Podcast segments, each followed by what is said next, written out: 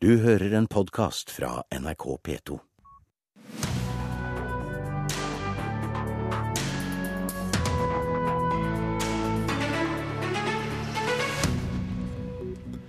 En viktig pris som viser hvor populært norsk drama er for tiden, mener NRKs filmanmelder Annike von der Lippe, den første norske skuespilleren med Emmy-pris. Høyesterett behandler i dag kravet fra NRK om innsyn i en overvåkingsvideo fra Oslo legevakt, der en mann døde under pågripelse. Og norske kunstnere jubler over at det endelig kan bli lønnsvekst. Forslag til statsbudsjett lagt frem i går. Og i Kulturnytt skal du også få møte den stigende operastjernen Lise Davidsen, vinneren av Statoil-stipendet i går. Ja, Som du kanskje har fått med deg her på morgenkvisten eh, i NRK Nyhetsmorgen, så ble det altså Emmy-pris på den norske skuespilleren Annike von der Lippe i natt. Vi snakker om den internasjonale Emmy-prisen for sin rolle i TV-serien Øyevitne, der hun eh, spilte politietterforsker Sikkeland på Mysen. Og dermed ble hun også den første norske skuespilleren som blir hedret med en Emmy-statuett. And the international Emmy goes to Annika von der Lippe in Eyewitness. Og så var det klart. Annike von der Lippe hadde slått Brasils svar på Wenche Foss og en britisk prisbelønnet skuespiller. Som første norske skuespiller kan hun dra hjem med en internasjonal Emmy. Gratulerer! Ja, takk. Hva tenker du nå? Jeg tenker ikke så mye akkurat nå, men jeg er fryktelig glad. Eh, ja, jeg, jeg har jo vært der før og har ikke vunnet, så nå, nå vant jeg, og det er jo veldig gøy, da. Og når de sa navnet ditt, tok det opp av konvolutten, hva gikk gjennom hodet ditt?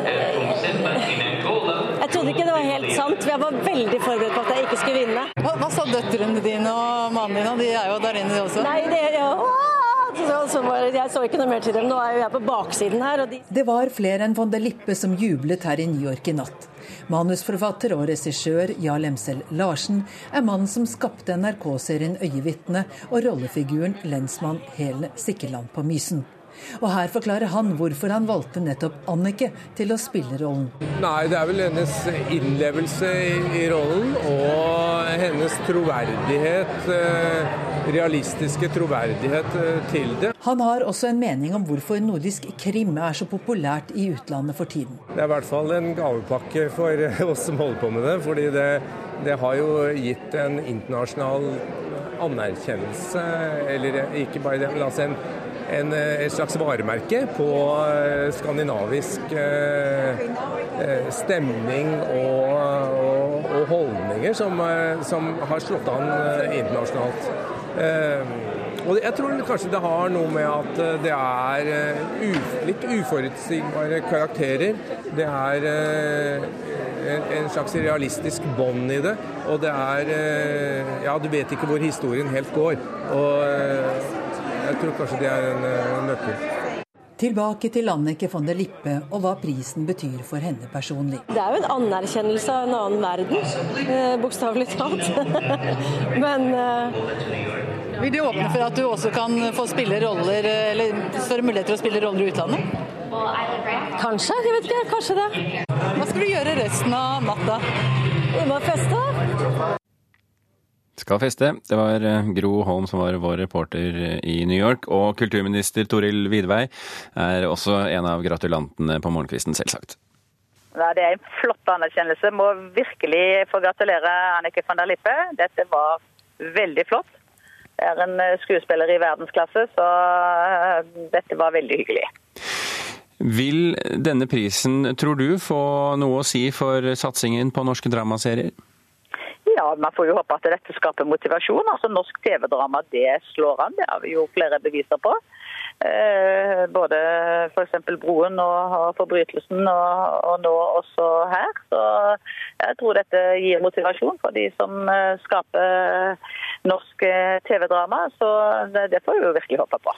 Ja, Det sa Toril Vidar til oss for litt siden. Sigurd Vik fra Filmpolitiet på P3. Altså Dette er den internasjonale Emmy-organisasjonen. Den består av kringkastere fra over 60 land og over 500 selskap til sammen. 60% av dem fra andre land enn USA, og de har holdt på siden 1969.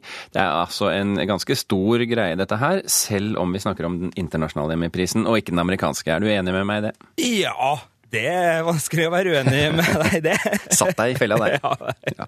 Men uh, helt klart, og, og selv, om, uh, om mange liksom tenker på Emmy-showet som den amerikanske primetime, det er liksom da showet og, og storkanalene rulles ut, da Game of Thrones og House of Cards og alle disse seriene skal, skal konkurrere, så er jo det her den, den, internasjonale utgaven, som du sier, og det er en Emmy. Uh, Annike von der Lippe har vunnet nå, det er absolutt ingen tvil om det. Det er en Emmy. Hun uh, sa at det var en, eh, en pris uh, fra den store verden. Tror du hun får blikk på seg nå fra den store verden? Ja, jeg tror det. Både fra bransjen, selvfølgelig, som, som er både de som, eh, som, er, eh, de som bestemmer det her, og som melder seg på i jury. Du må vel ha jobba helst fem år i bransjen for å få være med i juryen, så det, så det er jo bransjefolk der. Og så er det jo bransjeblikk på eh, prisen, selvfølgelig. Og så er vi jo seriefans over hele verden som følger mye mer nå. Altså, Internett har vært der en stund, men altså, det at vi kan strømme, det at vi kan oppsøke serier på en helt annen måte, gjør jo også at fansen ser mot sånne plasser som Emmy for å få nye serier serier, nye favorittserier, og begynne å undersøke hvor kan jeg kjøpe det her, hvor kan jeg se det her. Så det er klart, både for Øyevitnet som serie og for uh, Annike von der Lippe som skuespiller, så er det her en, en veldig viktig um, sak. Hva tror du det er hun har som gjorde at hun slo gjennom hos juryen? Mm, ja, hun er veldig god her, både fordi Helen, eller Helen uh, Jeg sliter med den uttalen på, på Sikkeland. Lensmann-figuren uh, er en veldig fin figur som er lett å like. Som både er en moderne politietterforsker, men også har en del sånn klassiske politietterforskerdrag som gjør at det er veldig lett å, å, å hektes på. Og så er Annike von der Lippe hun er en knakende god skuespiller. Hun spiller med en veldig sånn nærhet. Hun tar rommet, hun tar scener, og, og er veldig veldig god til å, å sørge for at uh, kameraet blir med på, på reisene når hun uh, tar oss med. Så nei, det er en, en, veldig god prestasjon av hun i denne serien. Men det ville vel ikke gått eh, ordentlig bra hvis det ikke hadde vært også for at øyenvitnet har noen kvaliteter? Nei, det har serien så definitivt. Den er jo veldig i den her nordisk noir-paletten på en del ting. altså Vignetten har en del arkitektur i seg, du har de der grålyse flatene. altså den, den spiller på en del av de kjennetegnene som har blitt gjort veldig populære internasjonalt med de Broen, Forbrytelsen og de andre seriene som, som har på en måte etablert nordisk noir som en, en, sjanger.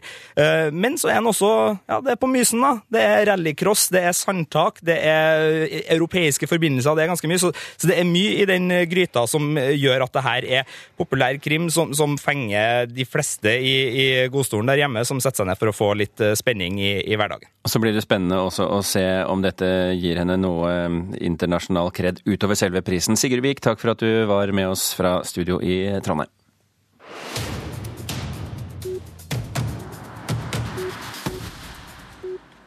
I dag starter Høyesterett behandlingen av NRKs krav om innsyn i et overvåkingsopptak fra Oslo legevakt, som viser hendelsen der en 35 år gammel psykotisk mann døde. Det er nå tre år siden Are, Erik Are Stett havnet i et basketak med to politibetjenter og en ambulansearbeider, hvorpå han døde av kvelning. Foreldrene til avdøde, som selv har sett opptaket fra legevakten, mener det ikke støtter politiets og påtalemyndighetens fremstilling av hendelsen, og at media bør bør få se videoen. Og så ser vi da etter en stund at bena til Are rister.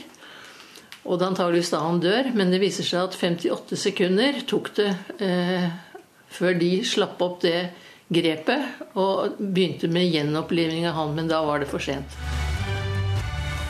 En mann som Oslo-politiet pågrep i går kveld og så kjørte til legevakten, døde etter å ha blitt lagt i bakken inne på legevakten. Morgennytt på NRK november 2012. Spesialenheten for politisaker etterforsker nå saken. I dag, ganske nøyaktig tre år etter, ønsker Vivi og Erik Stedt at media skal få innsyn i videoopptaket, som viser at sønnen, 35 år gamle Erik Are Stett, dør av kvelning på legevakta i Oslo.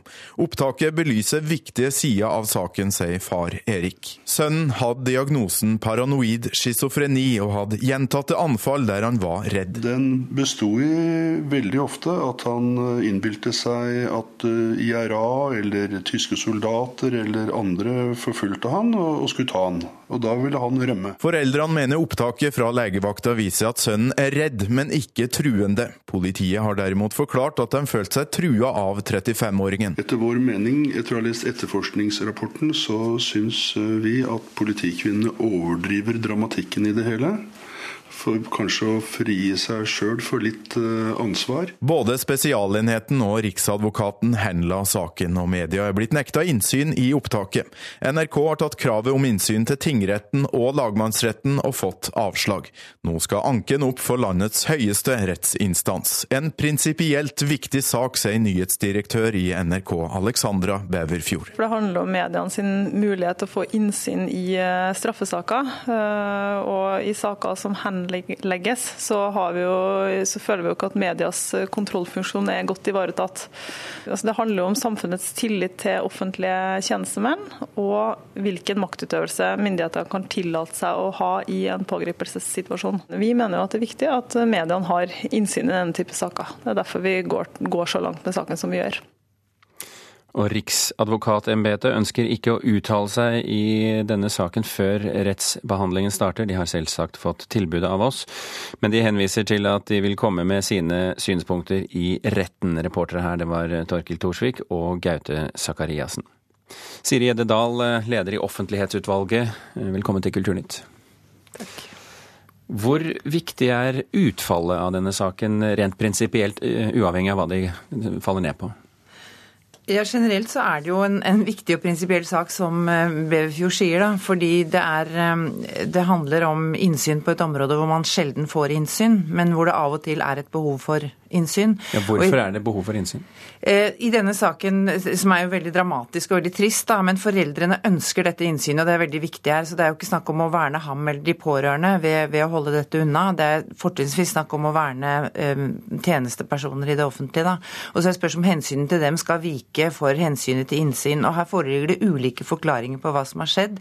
Vitner og politiets forklaringer spriker, så det er liksom ikke endelig dokumentert hvordan det egentlig var, selv om denne saken er henlagt. Eh, så det handler om kontroll av maktpersoner. Eh, og politiet er avhengig av tillit, så eh, av og til så bør man og må man gi innsyn i straffesaker. Og det gjøres. Og det er det det handler om. I en så dramatisk situasjon og, og sak som dette her, så er det viktig å få en objektiv instans, som foreldrene kaller det. I dette tilfellet da pressen, til å, til å kunne se inn i det. Men det kan jo eh, slå ut to veier, enten at de får innsyn eller at de ikke får innsyn. Eh, hva vil, hva vil dette innsynet eventuelt få si for eh, journalistikken? Det avhenger jo av hva de ser, selvfølgelig. Men det, gjør, det fører til at de kan lage journalistikk på det de har sett. da. Så det fører til at eh, andre får vurdert det enn en politiet og straffesakskjeden selv. Men det er den, enke, det er, det er den saken, men, men, hvis vi ser litt større på det, det, kan det få konsekvenser for journalistikken? Lettere tilgang f.eks. Ja, på straffesaker? Det er klart det er snakk om en høyesterettsvurdering her. sånn at en, en, en kjennelse fra Høyesterett vil jo få eh, betydning for andre saker også, for det skaper jo rettspraksis. Vil det få eh, konsekvenser også for publikum? På hvilken måte tenker du på det? Hvis dette utfallet uh, går inn uh, Hvis dette faller ned på at de får innsyn, vil det få uh, et utfall som er viktig for publikum som leser og følger med i pressen? Ja, det er jo det. Hvis vi mener det er en viktig sak å, å vurdere og kunne lage journalistikk på, så er det jo også viktig for publikum. Men det at eventuelt pressen får innsyn i sånne saker, betyr ikke nødvendigvis at hvem som helst kan få innsyn i selve saken. For det som er litt viktig, er at medium som søker innsyn, og det betyr jo ikke at mediene nødvendigvis skal publisere det de får tilgang til. Det er jo en vurdering som må foregå etter Vær varsom-plakaten. Det er et redaktøransvar som ligger inni hos de som da eventuelt får et innsyn. Det er altså i dag eh, Høyesterett begynner behandling av denne saken. Så følger vi med utover og, og forklarer hva som skjer etter hvert som resultatene kommer. Siri Eddedal, takk for at du kom til Kulturnytt. Klokken er 17 minutter over åtte akkurat der. Du hører på Kulturnytt, og dette er toppsakene i Nyhetsmorgen nå. Flere byer vurderer å innføre bilfritt sentrum, ikke bare i de store byene, men også på mindre steder foreslås det nå bilfrie gater for å trekke folk inn til sentrum. Det er svært glatte veier på Østlandet. Politiet i Oslo, Akershus, Follo og Østfold ber folk om å kjøre forsiktig. Ifølge Meteorologisk institutt er årsaken underkjølt regn. Og billig programvare gir hackere bedre mulighet til dataangrep på norske selskaper, sier Nasjonal sikkerhetsmyndighet. Mange bedrifter bruker et e-postprogram som snarest bør bytte ut, byttes ut for å sikre seg bedre, sier dataekspert Gisle Hannemyr. Norske kunstnere jubler over at det endelig går mot lønnsvekst. I går presenterte regjeringspartiene og samarbeidspartiene det endelige statsbudsjettet for 2016. En økning i kunstnerstipendene på til sammen ni millioner er den største påplussingen for kulturfeltet. Leder for Norske billedkunstnere, Hilde Tørdal, er sjeleglad for nyheten.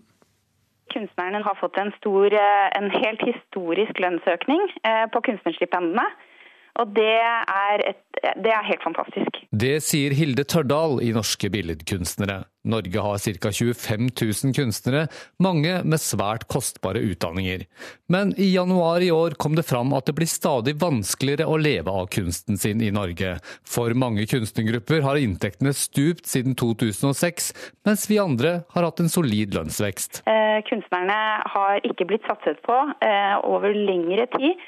Eh, tross eh, store økninger i eh, kulturbudsjettene, og, og nå er det vår tur. Endelig. Vår regjering er jo opptatt av at flere kunstnere skal kunne leve av egen inntekt. Og Det er jo viktig da, å se på hva er det som skal til for å få det til. Sa kulturminister Toril Vidvei den gang. Likevel fikk ikke kunstnerne det store løftet da hun presenterte statsbudsjettet i oktober. Det ble først gjort da samarbeidspartiene Venstre og KrF kom på banen. Dette ikke, var ikke med i det opprinnelige forslaget fra Fremskrittspartiet og Høyre. Så så det er, eh, det er, Trine Skei Grande og Geir Jørgen Bekkevold som vi har å takke for dette i dag. De fortjener eh, honnør for at de har løftet det inn i forhandlingene. Og så er det veldig bra at vi da har fått eh, enighet om det. Det sier Svein Harberg, som er leder i kulturkomiteen på Stortinget for Høyre. Planen er å komme opp på en gjennomsnittlig norsk inntekt, slik at man vil ta igjen alle de årene vi har hatt da, med dårlig lønnsvekst på stipendene. Og reportere her, det var Petter Sommer.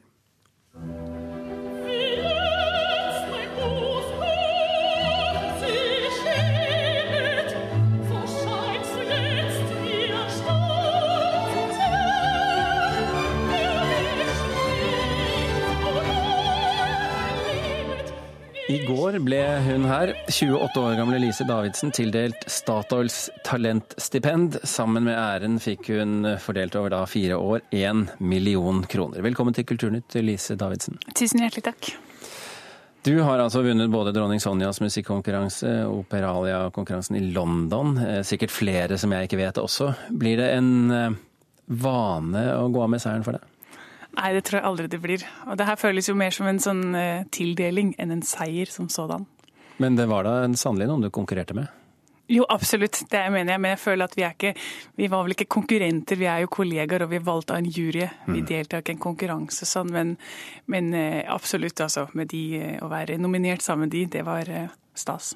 Jeg forstår det slik at du ikke egentlig er så glad i konkurranser? Ja, nei, jeg er ferdig med det nå i hvert fall. Tror ja. det. ja, hvorfor er du ferdig med det? Jeg føler ikke at det er det jeg, Det var ikke det jeg hadde planlagt å gjøre. Eh, men det er en viktig del av, av businessen, og jeg har selvfølgelig fått masse jobber på det og, og, eh, og mye PR, som er kjempebra. Men, men eh, akkurat nå er jeg i München og gjør en operaforestilling og jobber med det, og jeg merker når jeg er der at det er det jeg liker å gjøre. Eh, dette er jo eh, litt Altså det ligger litt i kortene når man får et Statoil-stipend, og det er en jury av vettuge mennesker som, som, har vurdert deg og, og, plukket deg ut. Men er det likevel litt sånn spesielt eh, hyggelig og gøy at det er Leif Ove Ansnes som sitter der eh, som juryformann og, og sier at han blir slått av kraften og kjernen i stemmen din? og din følsomme musikalitet og sånn?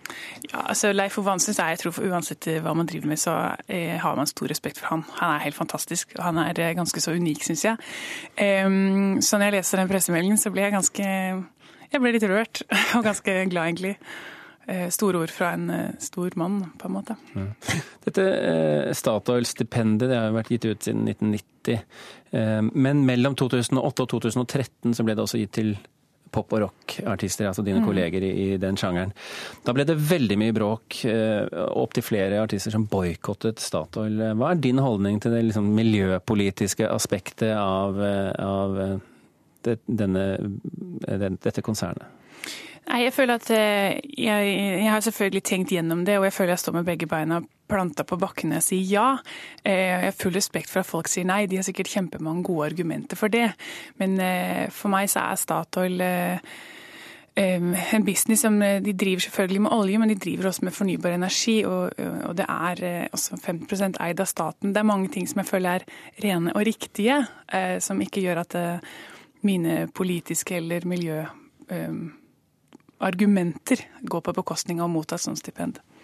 Du er jo 28 år, som jeg nevnte, en alder der uh, mange av dine kolleger i idretten har nådd toppen, eller er i ferd med å nå toppen. Uh, Statoil-juryen sier at ditt potensial er enormt. Hvor, hvor, hvor, i karrieren ser du selv at du er nå? Nei, Jeg føler meg ganske i starten, egentlig. Uh, jeg var ferdig å studere for halvannet år siden. og og jeg føler at der nå går jeg litt inn i et nytt kapittel i livet. En starten på, på, det profesjonelle. Det å utvikle det videre. Det å ikke ha ukentlige timer. Jeg kan ikke opptre med en tittel som student. Jeg er profesjonell, og jeg har masse å lære. Så jeg føler at det, jeg er litt i begynnelsen, egentlig. Du har jo en, begynt å få en avtalebok som det står respekt av. Vi snakker om Bayerische Statsoper, vi snakker om Du skal til Zürich, Glindborn Opera Festival, du skal til Covent Garden, og, og så vet jeg at du neste år skal synge også på Den Norske Opera. Ja. Jeg klager ikke på den, altså. Det er ikke det. Ser du lyst på fremtiden også etter 2016? Ja, absolutt. Jeg ser lys på det, men det er kanskje der jeg er ekstra takknemlig for det er stipendet. Fordi det er fantastisk store hus, men det er også veldig viktige hus. Så jeg har kanskje hatt litt angst for det, og jeg har det fortsatt. Men jeg er litt redd for om jeg skal klare å gjennomføre det, hvordan jeg skal gjøre det. Men nå har jeg på en måte en, en base da, i fire år som gjør at jeg kan ta de timene jeg trenger. Jeg kan kanskje si nei til noen andre ting som gjør at jeg får kjøpt meg tid til å utvikle meg nok og forberede meg nok til å gjøre de jobbene jeg skal gjøre på de forskjellige husene som du nevnte. Så det, det, er, det er, rett og slett en litt hyggelig tid, dette? Ja, det er det. Er det. Lise Davidsen, takk for at du kom til Kulturnytt. Takk for at dere kom.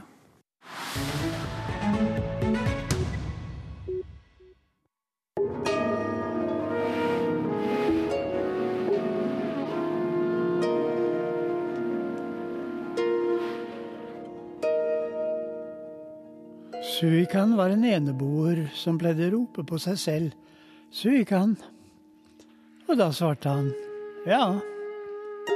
Han ropte Suikan, og han svarte ja. Det er mange som eh, kjenner igjen denne stemmen her. Dette er selvfølgelig Jan Erik Vold. Velkjent for sine mange samarbeid med jazzmusikere opp gjennom tiden.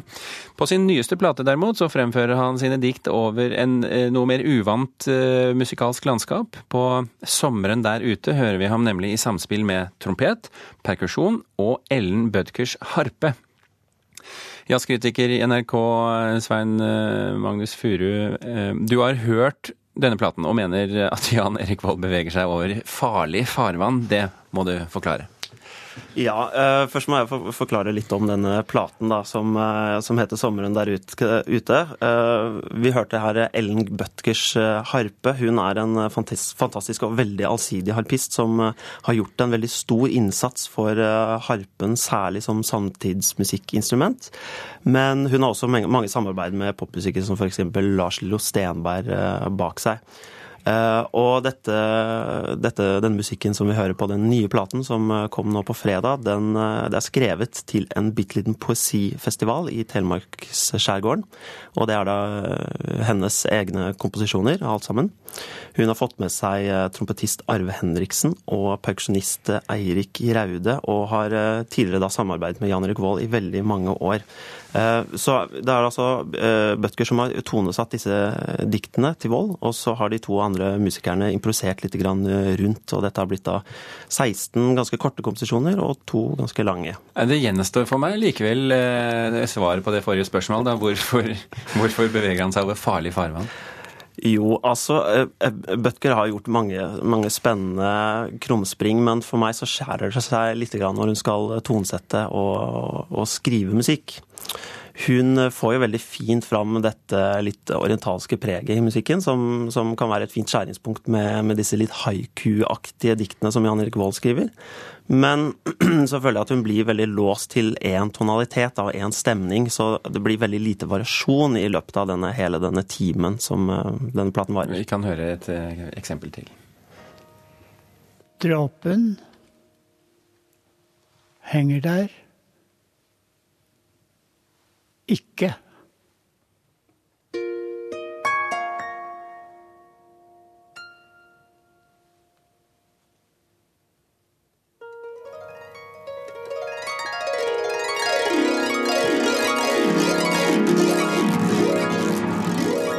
Vi nærmer oss slutten eh, her, eh, Svein Magnus Furu. Hva sitter du igjen med etter å ha hørt eh, platen?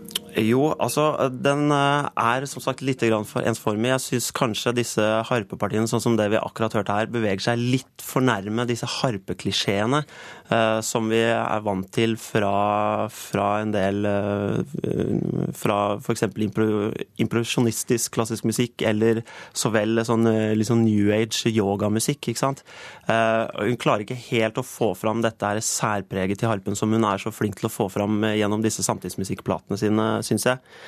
Um, og da blir, det, da blir det rett og slett litt for lite tyggemotstand. Uh, det blir litt for glatt, vi strykes litt mye medhårs. Og Volds dikt er jo ganske skjeve og rare, så istedenfor å aksentuere disse skjevhetene, så slipes de ned og mister mye av sin brodd. Og og da, da, blir det litt, uh, litt, kjedelig, og litt kjedeligere enn det kunne ha blitt. Så, så en klassisk mer sånn jazztilnærming, sånn som Vold har gjort tidligere, det ville vært bedre, tenker du? Ikke nødvendigvis det, men, men, noe som utfordrer litt, og som også utfordrer litt uh, Jan Erik Vold sin egen stemme og sine dikt. Det er ikke bare medhårsstryking. Det hadde vært en fordel. Svein Magnus Furu, takk skal du ha. Du får med deg litt musikk på vei ut.